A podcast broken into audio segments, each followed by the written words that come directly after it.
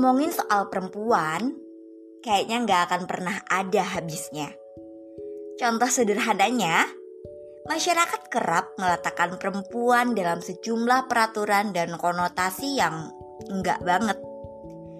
Perempuan itu ribet, perempuan itu banyak maunya, perempuan itu lemah, perempuan itu nggak boleh gini, perempuan itu nggak boleh gitu, jangan keinian, hmm, jangan keituan, dan sejumlah embel-embel nggak boleh yang mengekang perempuan. Capek banget. Padahal kita tahu bahwa ketika perempuan bersuara, bukan untuk berteriak, bukan pula untuk menyematkan kebencian, tetapi supaya orang-orang yang tidak mendapatkan hak juga bisa didengar. Kamu mau denger nggak? Bagaimana para perempuan hebat mengambil peran dalam masyarakat? Kalau aku sih mau denger. Yuk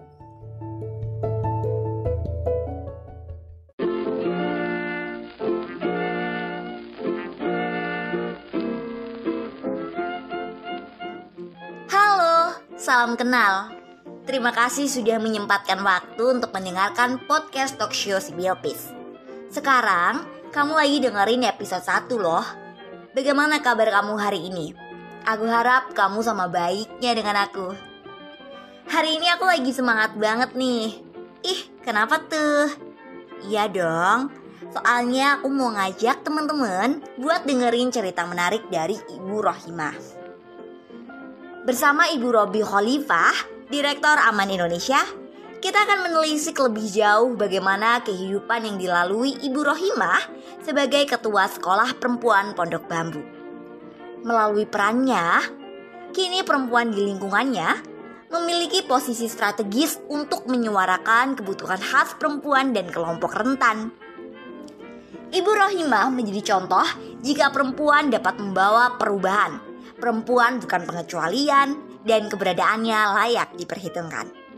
Nah, daripada penasaran banget dengan apa yang dilakukan Ibu Rohimah, ayo deh simak aja cerita beliau.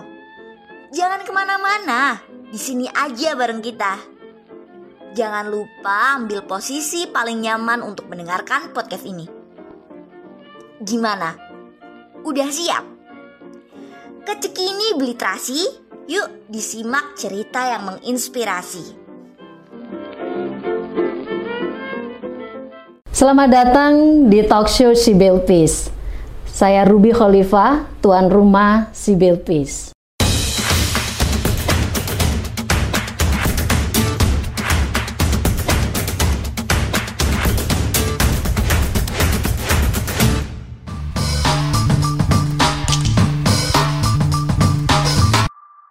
Orang sering memahami perdamaian itu tidak adanya perang. Jadi, tidak ada perang, maka kerja-kerja perdamaian dianggap tidak relevan. Lantas, bagaimana kerja-kerja perdamaian dilakukan dalam situasi yang tidak ada perang atau tidak ada konflik secara terbuka? Dan bagaimana kepemimpinan perempuan berkontribusi membangun resiliensi di komunitasnya? Talk show Sibyl Peace edisi perdana ini akan membahas perjuangan seorang perempuan bernama Rohima yang berusaha mengubah kampungnya yang dulu tertinggal, kurang ada rasa peduli, mudah digerakkan gosip, dan perempuannya sama sekali tidak diperhitungkan. Kini menjadi kampung yang peduli, punya solidaritas tinggi, lebih hijau, dan memiliki resiliensi tinggi di mana perempuan memainkan peran aktif. Membangun resiliensi warga metropolitan. Perempuan bekerja untuk membangun perdamaian jumlahnya berlimpah. Kita pernah mendengar cerita heroik para perempuan penjual ikan dalam menghentikan konflik di Ambon dan Poso. Tahun 2000, sebuah kongres perempuan Aceh digelar menghadirkan 500 perempuan korban dari berbagai wilayah untuk membicarakan pentingnya perdamaian Aceh. Kita mudah membayangkan peran-peran perdamaian ketika ada konflik terbuka atau perang. Tetapi bagaimana perempuan bergerak ketika tidak ada lagi perang atau tidak ada lagi konflik terbuka.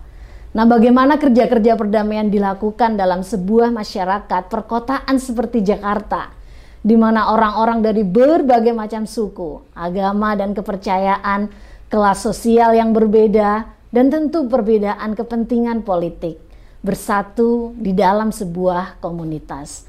Telah hadir bersama saya Ibu Rohima, Ketua Sekolah Perempuan Pondok Bambu. Apa kabar Ibu? Alhamdulillah baik Mbak. Terima kasih ya sudah hadir uh, dan bersedia memenuhi undangan kami dalam talk show Sibyl Peace ini.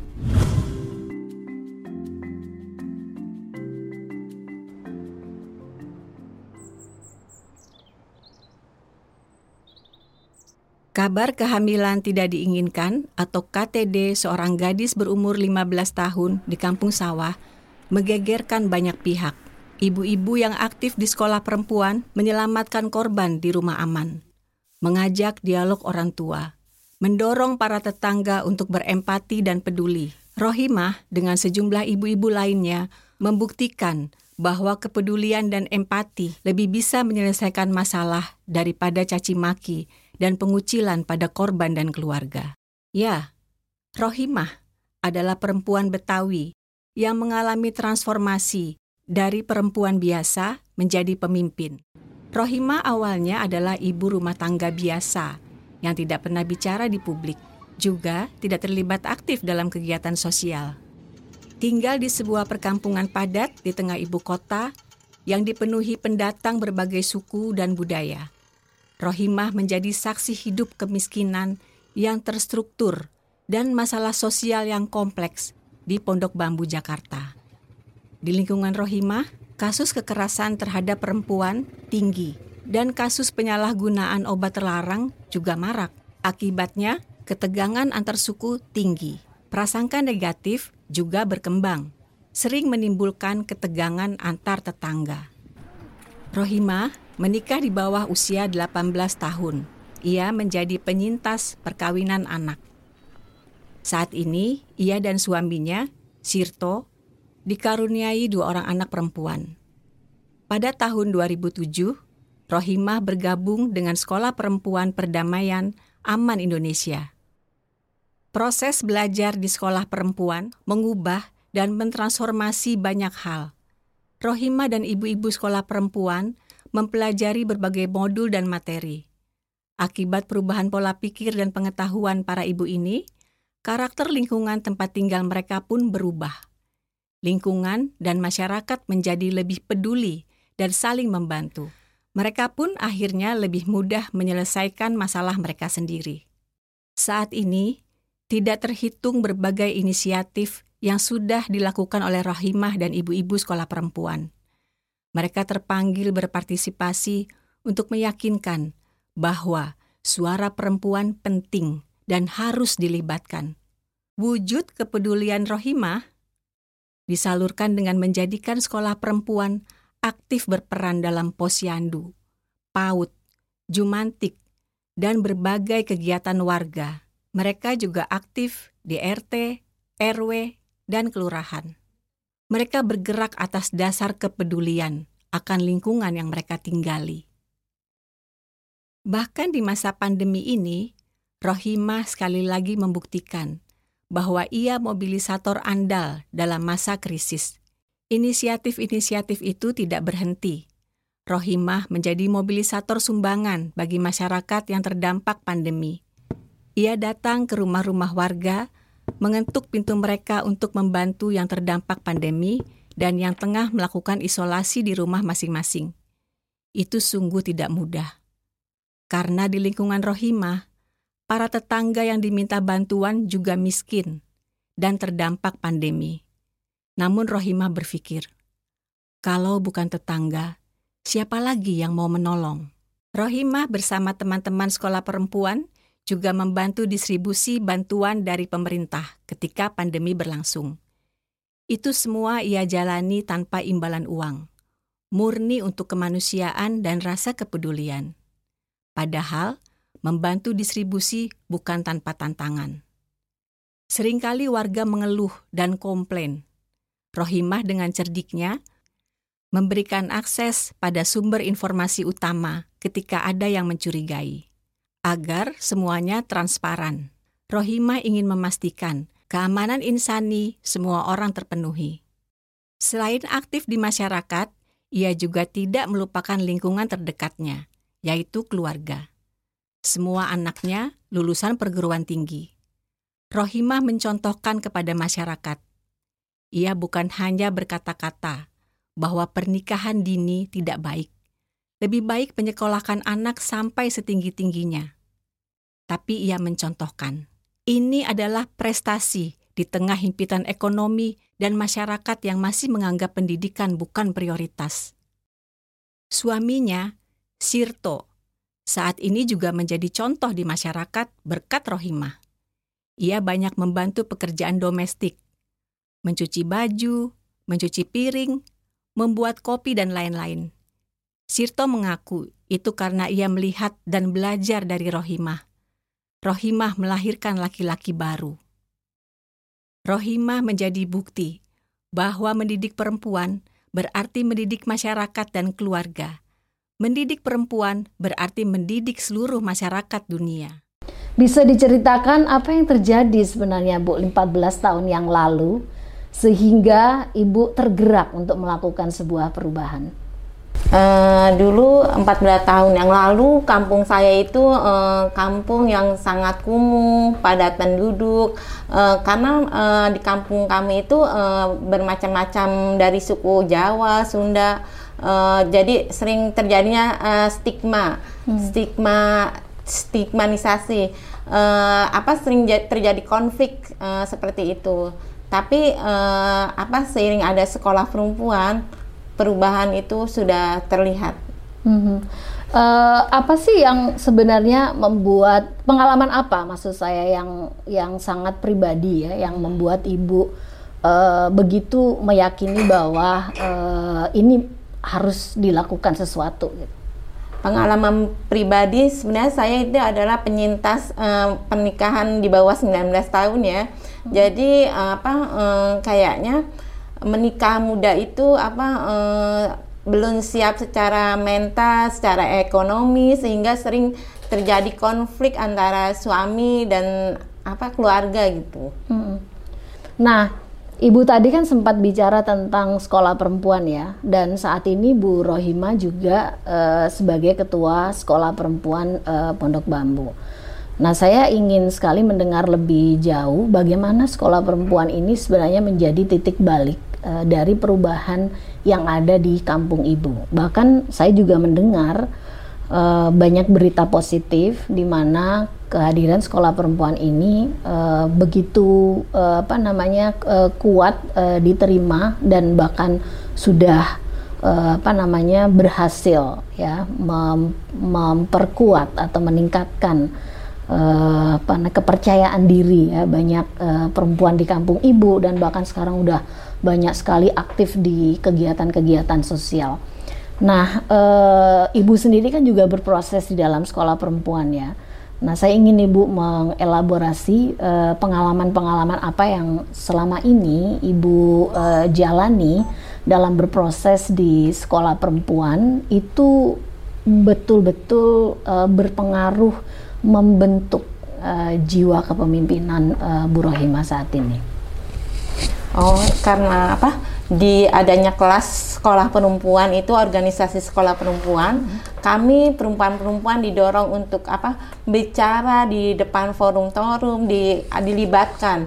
Uh, jadi uh, mungkin salah satu itu jadi kami apa punya kepercayaan diri untuk menyampaikan apa yang menjadi uh, keinginan atau ya di sekolah perempuan itulah kami belajar untuk uh, apa berusaha bicara kalau ada masalah apa apa cerita karena kan diawali uh, apa apa kelas sekolah perempuan itu diawali dengan curhat. Hmm. Nah, di situ jadi kami apa sekolah apa perempuan-perempuan belajar untuk bicara mengeluarkan apa yang menjadi permasalahan uh, di lingkup keluarga, uh, tetangga. Ya, mungkin dari situlah muncul kepercayaan diri perempuan untuk bicara gitu menjadi uh, pemimpin. Nah, Ibu tadi bicara tentang uh, curhat ya.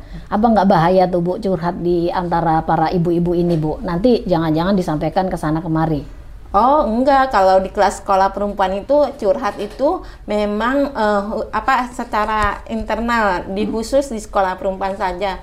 Jadi yang uh, kita uh, apa uh, sebisa mungkin merahasiakan itu pokoknya antara anggota saja Uh, dan di situ curhat itu bukan untuk disebarluaskan, tapi hmm. untuk uh, dicari solusinya bersama-sama, uh, apa jalan keluarnya. Jadi kalau kita itu insya Allah bisa membantu itu. Hmm. Kalau dari penjelasan ibu, tampaknya proses di dalam sekolah perempuan sendiri itu uh, memberikan banyak peluang ya buat perempuan-perempuan untuk berlatih uh, entah itu berbicara, menyampaikan uh, pendapat. Gitu. Saya ingin uh, ibu melihat, merefleksikan lagi kalau terkait dengan nilai ibu, apa yang begitu kuat menurut ibu berpengaruh di dalam kehidupan ibu saat ini?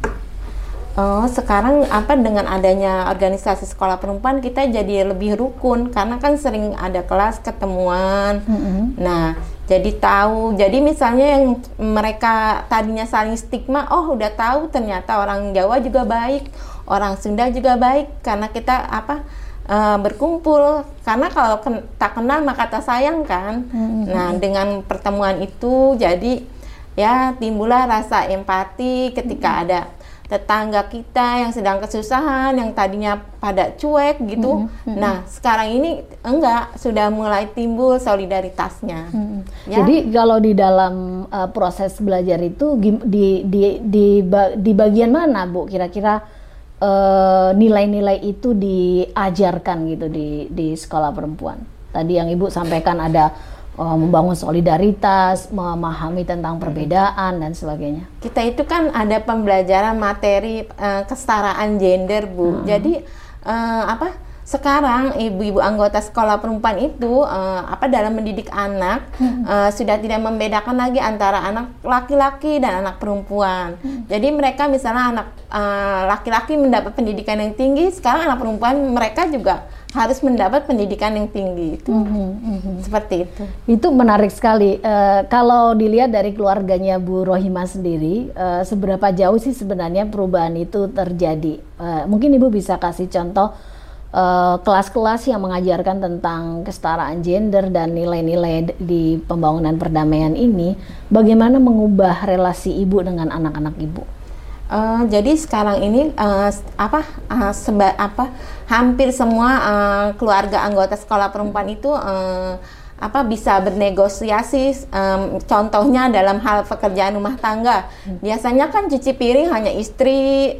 Nah sekarang suami-suami mereka juga sudah bisa uh, membantu pekerjaan rumah tangga yang ngepel cuci piring nyuci itu udah hal yang biasa karena kita sudah saling belajar apa karena belajar bernegosiasi um, apa meng, membicarakan apa yang menjadi kebutuhan keluarga bersama ya itu harus dikerjakan bersama hmm. seperti itu. Kabarnya anak ibu jadi kayak lebih percaya diri ya setelah iya. Bu Rohima apa namanya menjalani proses di sekolah perempuan ya. Bisa diceritakan nggak Bu itu uh, mengapa ini ter, apa bisa terjadi yang kayak apa sih bentuk percaya diri ekspresinya kayak apa? Uh, anak-anak uh, hampir semua anggota sekolah perempuan ya anak-anaknya bangga karena ibu-ibunya sekarang yang tadinya biasanya di dapur, di sumur tapi lebih eksis uh, apalagi dilibatkan dalam kepemerintahan seperti jadi kader Jumantik, PKK hmm. yang tadinya kan ibu-ibu di situ kan hanya buru cuci, nggak hmm. dianggap lah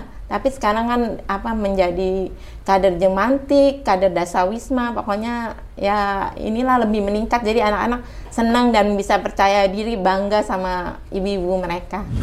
Wah seru banget ya, pasti itu menjadikan keluarga sangat uh, apa namanya lebih uh, setara dan lebih uh, apa punya uh, kepercayaan satu dengan uh, yang lainnya. Nah kalau dilihat dari perubahan di anak-anak, e, tentu ada juga perubahan di e, pasangan e, Bu Rohima ya.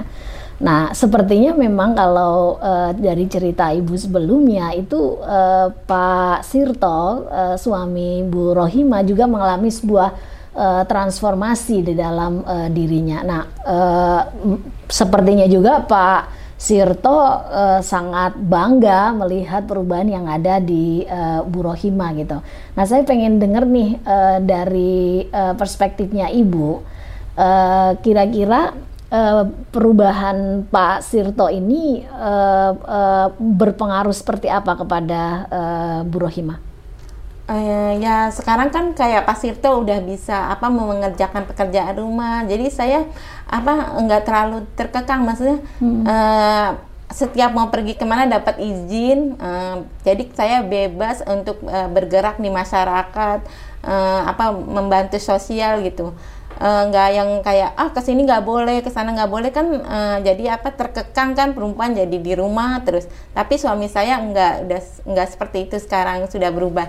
Nah uh, suami saya juga malah uh, ini apa ikut mensosialisasikan seperti misalnya undang-undang uh, PKDRT oh, itu ya. uh, jadi mereka sambil ngobrol sambil ngobrol kan Pak Sirto dapat materi dari saya tuh tentang PKDRT undang-undangnya. Nah, mm -hmm. jadi Pak Sirto apa uh, ikut menyampaikan ke teman-teman lakinya, uh, maksudnya teman yeah. sama laki, maksudnya kalau lagi ngobrol, ngopi bareng, jadi bisa cerita-cerita materi yang diajarkan di sekolah perempuan juga sih. Iya yeah, iya, yeah. itu menarik banget ya.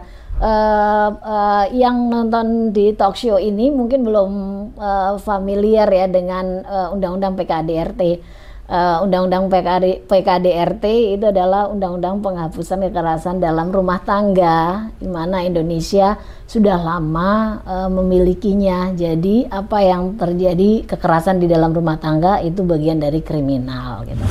Baik, saya akan uh, lanjutkan, Ibu. Ini kan udah cukup lama ya Bu Rohima e, bergelut dengan sekolah perempuan dan saya rasa kepemimpinan e, Bu Rohima cukup diakui oleh uh, lingkungan ibu. Nah, tentu dibandingkan dengan sebelumnya jauh berbeda gitu ya. Uh, Bu Rohima yang dulu 14 tahun yang lalu dengan Bu Rohima yang sekarang udah berbeda sekali gitu ya. Sekarang udah menjadi uh, salah satu tokoh perempuan di komunitas ibu yang sangat dipercaya oleh masyarakat bahkan pihak kelurahan juga juga uh, sangat menaruh uh, kepercayaan kuat kepada ibu. Bahkan sering kali sedikit-sedikit uh, apa namanya telepon Bu Rohima gitu karena memang pengen uh, apa namanya berkonsultasi terkait dengan pemberdayaan uh, perempuan di uh, kampung ibu. Nah, dalam konteks kita menghadapi pandemi yang sangat uh, apa namanya besar ini Bu, uh, nggak hanya di Indonesia tapi juga di global tentu saja apa yang dilakukan ibu uh, sangat uh, penting untuk dibagi di luar sana gitu ya. Bahwa ibu dan dan anggota sekolah perempuan itu aktif dilibatkan di dalam upaya penanganan pandemi di tingkat uh, RW ya. Mungkin sampai kelurahan juga gitu ya.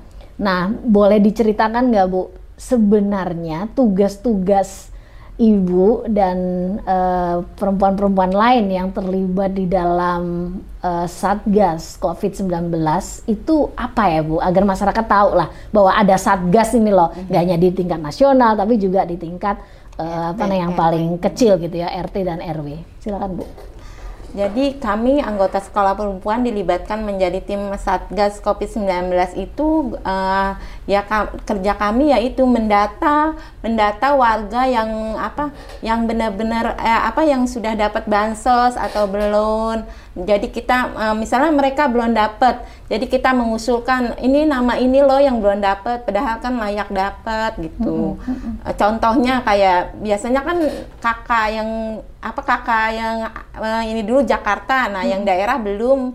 Nah jadi kita memasukkan data-data itu karena kan kita yang ngelihat langsung ini yang warga ini yang butuh, jadi kita uh, apa bekerja mendata. Nah setelah itu setelah mendata kan uh, misalnya ada yang terpapar COVID-19 mm-hmm.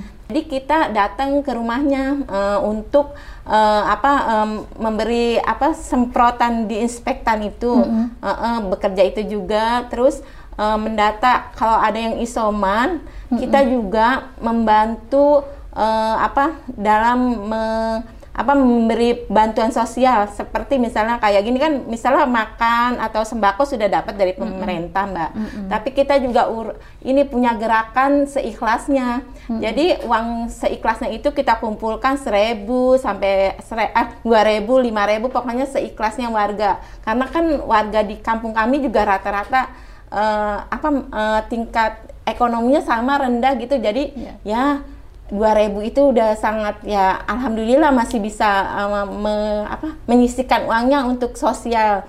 Nah, jadi uang yang misalnya uang udah terkumpul itu hmm. jadi kita nggak kasih uangnya yang sedang orang yang sedang isoman tapi kita kumpulkan terus kita uh, apa kita tanya sama yang isoman itu butuh apa kamu kan karena biasanya kalau dari pemerintah kan makanan sudah siap saji. Hmm. Nah, kalau kita aduh aku susu uh, susu anakku habis. Ya, nah, ya. nanti kami yang membelikan susu anaknya. Nah, terus dari uang yang uh, tadi yang dikumpulkan. tadi uang uh, seikhlasnya ya. itu. Ya. Nah, terus uh, misalnya oh aku lagi datang bulan, pembalut aku habis. Ya. Dan nanti kita yang membelikan. Nah, kita apa ngasih ke rumahnya itu uh, ini mbak udah dibelikan ininya ya kebutuhannya gitu seperti itu jadi bantuan kami kayak butuh obat nyamuk gitu misalnya ada apa hmm. uh, banyak nyamuk kan misalnya di daerah kami kan yeah. memang banyak nyamuk tuh mbak yeah. nah yang kebutuhan-kebutuhan yang memang dari pemerintah nggak ada jadi ya dari yang urunan dari kami itu seperti beli buah vitamin karena kan dari pemerintah pokoknya kebanyakan ya beras sembako itu aja makanya kita yang kecil-kecil itu yang kita bantu yeah. Iya. uh, apa jadi semangat meskipun kami rata-rata ekonominya rendah, tapi mm-hmm. kami semangat membantu karena kalau nggak kita tetangga siapa lagi yang akan kita ban eh, yang membantu tetangga kita gitu. Iya. Wah ini powerful banget nih ya uh, apa namanya ibu-ibu yang ada di luar sana dan juga uh, apa namanya rakyat Indonesia. Kalau bukan tetangga siapa lagi nih yang mau membantu uh, apa namanya orang yang kesusahan gitu ya. Nah, saya ingin mendalami nih bagian cerita ibu yang menurut saya sangat uh, apa, uh, uh, menginspirasi gitu ya terkait dengan bagaimana mengumpulkan donasi ya di warga-warga ya. Dan tadi ibu juga bilang bahwa donasinya jangan kepikir yang 100 ribu atau berapa ya ini mulai dari 1000 sampai 5000 gitu ya dan itu uh, hampir semua apa namanya uh, warga dimintai gitu ya Bu ya.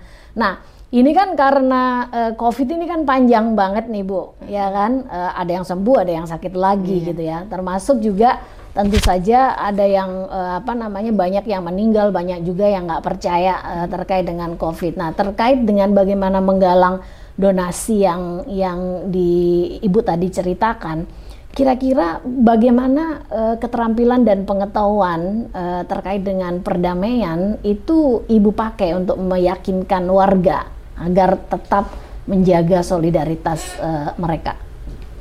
Ya itu uh, kita bilang maksudnya apa? Uh, kita bangun empa empati dengan cerita-cerita. Yuk seandainya keluarga kita yang uh, tertimpa sakit, -hmm. terus uh, apa? Memang di sana rata-rata ekonomi ya supir bajai, ojek online. Kan kalau memang isoman itu benar-benar nggak menghasilkan uang. Yeah. Jadi kita ya kita bangun apa uh, empati. Mm-hmm. Jadi dengan narasi cerita-cerita, yuk seandainya kita harus membayangkan seandainya keluarga kita yang apa uh, tertimpa sakit itu uh, mm-hmm. terus nggak punya uang, seperti apa? Jadi ya dengan cerita-cerita itu akhirnya mereka, yuk kita ulurkan seribu, dua ribu dan kami juga punya tip mbak caranya mm-hmm. untuk uh, meminta bantuan itu nggak nggak setiap waktu. Maksudnya hmm. ya, kami pilih uh, misalnya sore ya. Yeah. karena sore itu menurut kami perempuan-perempuan sudah mulai santai. Yeah. dan mungkin ada sisa uang belanjanya. Hmm. jadi dua ribu gitu. Ada sisanya oh ini boleh gitu. Uh, kami nggak pernah minta bantuan pagi itu. Karena kami tahu mereka aja misalnya punya uangnya segini.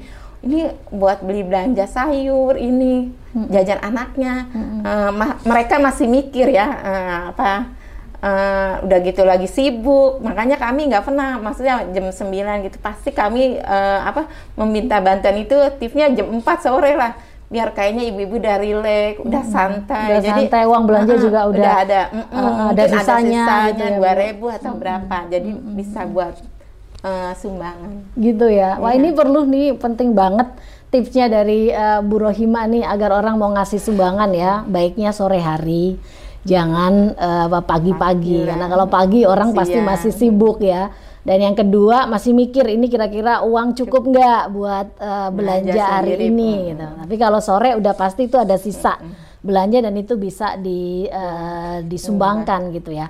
Nah, ini kan karena in- cukup intensif kan Bu ya. Maksudnya ada banyak yang sakit. Nah, ini orang nggak bosan dimintain sumbangan Bu kira-kira Bu. Kalau ada nggak yang yang ngomel-ngomel atau ada nggak yang merasa bahwa sumbangan lagi, sumbangan lagi gitu. Ya namanya orang pasti jelas ada ya Mbak yang marah, eh maksudnya yang dumel-dumel gitu.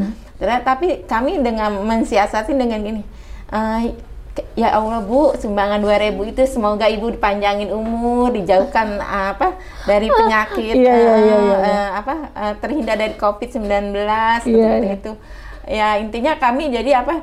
eh, ya ber- berdoanya sebanyak-banyaknya agar ya mereka tetap semangat meskipun harus diminta lagi, diminta lagi gitu. Gitu ya. Waduh. Bu, bisa nggak bagi eh, apa istilahnya eh, rahasianya biar eh, kalau minta sumbangan itu eh, cepat begitu ya. Kira-kira narasinya apa nih Bu yang yang pas agar bisa mempengaruhi tetangga eh, kanan kiri dan juga tentu saja warga yang yang apa ada di kampung ibu gitu ya. Meskipun mereka juga dalam eh, kesulitan ekonomi gitu.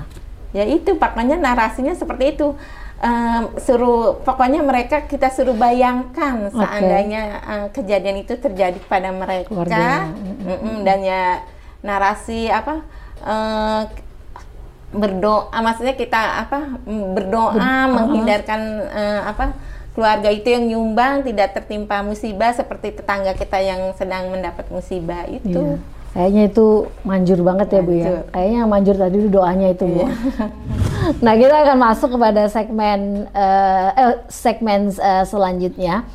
Eh, melihat eh, di perjalanan ibu yang tidak mudah ya dari orang yang dulu disingkirkan, maksudnya tidak dilihat lah oleh eh, masyarakat gitu ya. Bahkan untuk jadi anggota PKK aja kayaknya ngimpi dulu ya Bu ya.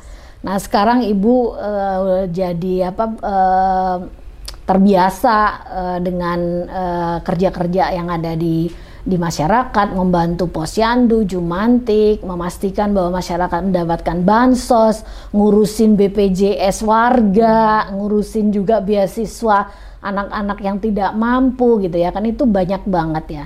Nah liku-likunya juga banyak banget saya eh, ngelihat dari cerita ibu. Nah tapi juga ada cerita sukses yang yang juga menarik untuk di apa dibagi gitu. Nah, kalau boleh nih Ibu kasih eh, apa namanya pembelajaran-pembelajaran apa yang sebenarnya eh, Ibu dapatkan dari sebuah proses eh, panjang yang yang tadi Ibu sampaikan. Jadi pembelajaran yang selama ini saya dapat, eh, jadi kita ini apa belajar benar-benar eh, merubah cara mendidik anak itu. Eh, jadi kita benar-benar merubah mendidik anak laki-laki dan perempuan itu nggak ada bedanya. Em, lebih apa belajar lebih terbuka setiap ada masalah diselesaikan dengan eh, apa bermusyawarah seperti itu mbak.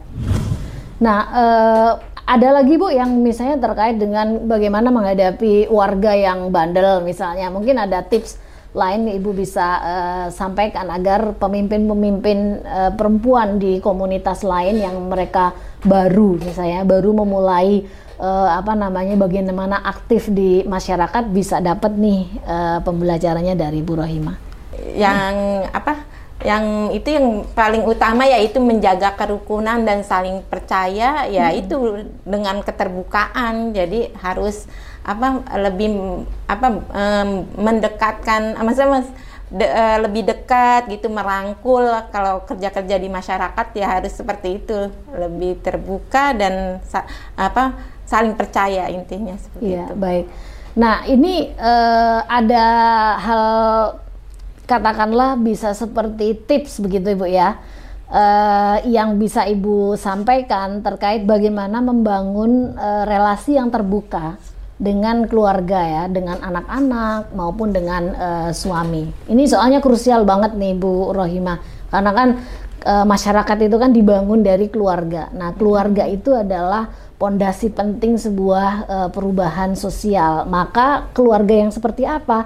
Adalah keluarga yang terbuka, keluarga yang tentu bau membahu dan sebagainya. Nah, dalam konteks ibu uh, uh, mengalami sebuah transformasi yang panjang ini bagaimana uh, apa namanya ibu uh, bisa uh, apa namanya membuat anak-anak percaya kemudian suami uh, juga begitu mendukung saat ini. Nah itu bagi bu tipsnya bu buat perempuan Indonesia di sana.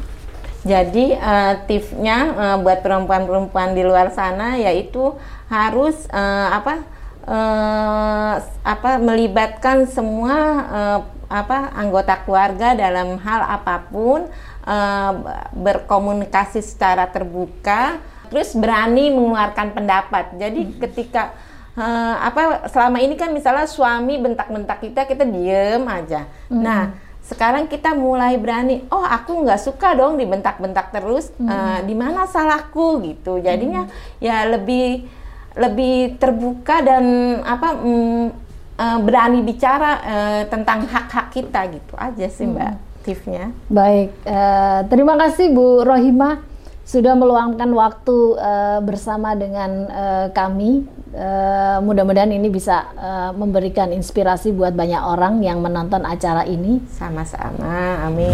Kita udah mendengarkan cerita Bu Rohima ya, salah satu uh, perempuan yang mengalami proses panjang bagaimana mengubah sebuah kampungnya dan uh, tentu saja cerita itu menjadi uh, cerita yang begitu inspiratif dan tentu bisa sangat bisa itu terjadi pada uh, Anda sekalian yang sedang menonton acara ini. Nah, saya ingin menutup acara ini dengan uh, apa mengambil sebuah uh, kesimpulan gitu ya. Ada tiga hal penting yang ingin saya sampaikan.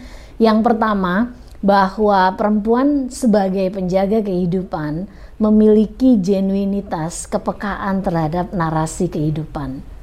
Ini yang membuat bekerja dengan perempuan akan mendorong kita untuk senantiasa memikirkan kelompok-kelompok yang juga termarginal di masyarakatnya. Mengapa? Karena perempuan adalah salah satu kelompok marginal yang ada di masyarakat kita. Jadi bekerja dengan mereka secara otomatis akan membuat kita memikirkan juga ada kelompok-kelompok seperti lansia, kelompok disabilitas, kelompok minoritas agama, kelompok-kelompok yang mungkin eh, apa memiliki ekspresi gender yang berbeda di masyarakat kita dan tentu perbedaan-perbedaan yang lainnya. Nah, menempatkan perempuan sebagai aktor perubahan bisa menawarkan perspektif interseksional yang baik pada kita. Artinya, kita akan mampu menangkap aktor-aktor yang berbeda, mengupas lapis-lapis kerentanan berpotensi konflik, dan melihat potensi solusi dari lintas bidang. Yang kedua, perubahan yang dimulai oleh perempuan itu berpotensi berkelanjutan. Ini karena perubahan di komunitas harus diawali dari perubahan di tingkat keluarga dulu. Gitu. Nah, perempuan atau figur seorang ibu merupakan jantungnya keluarga.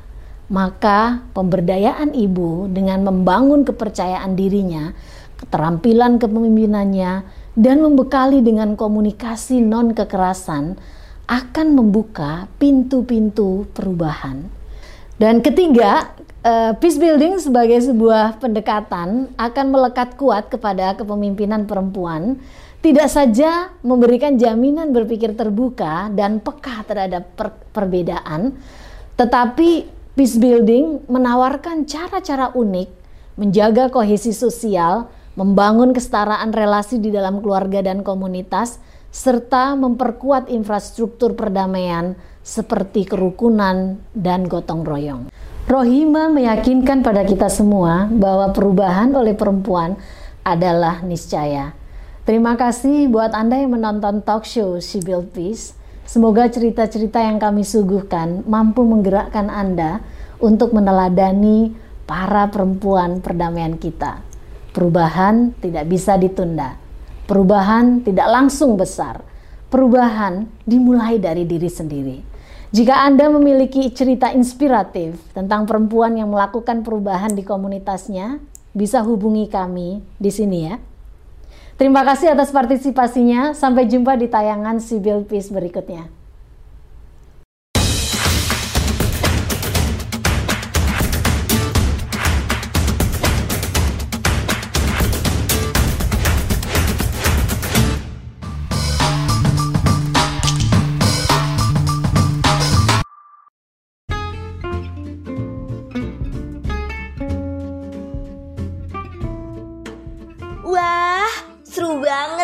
Episode kali ini. Gimana nih pendapat kamu setelah mendengarkan cerita dari Ibu Rohimah? Melalui cerita beliau, kita jadi tahu bahwa perempuan memiliki peran penting dalam pembangunan masyarakat, seperti menciptakan perdamaian, meminimalisir stigma dan stereotip terhadap perempuan, mengubah cara pandang masyarakat terhadap perempuan, bahkan menjadi mobilisator bagi masyarakat terdampak pandemi. Keren banget kan? Terima kasih sudah mendengarkan podcast ini. Aku harap melalui cerita ini kamu dapat lebih percaya bahwa perempuan juga bisa. Perempuan tangguh tidak akan mudah goyah dan kalah. Perempuan tangguh tidak akan ragu untuk membuat keputusan. Perempuan, kita ada untuk cinta, kita ada karena makna. Dan melalui cinta dan makna itu, mari bersama-sama menciptakan dunia yang lebih indah. Oh iya, hampir saja lupa. Aku harap kamu selalu sehat dan bahagia agar kita semua bisa berjumpa di episode selanjutnya. Biar tambah sayang, yuk mampir terus di podcast Sibyl Peace. Jangan lupa untuk follow Instagram kami yaitu at sibylpeace.id dan subscribe YouTube kami yaitu Sibyl Peace Indonesia. Setiap pertemuan pasti akan ada hal baik yang jadi pembelajaran. Oleh karena itu, jangan bosan-bosan ya ketemu kami. Sampai jumpa.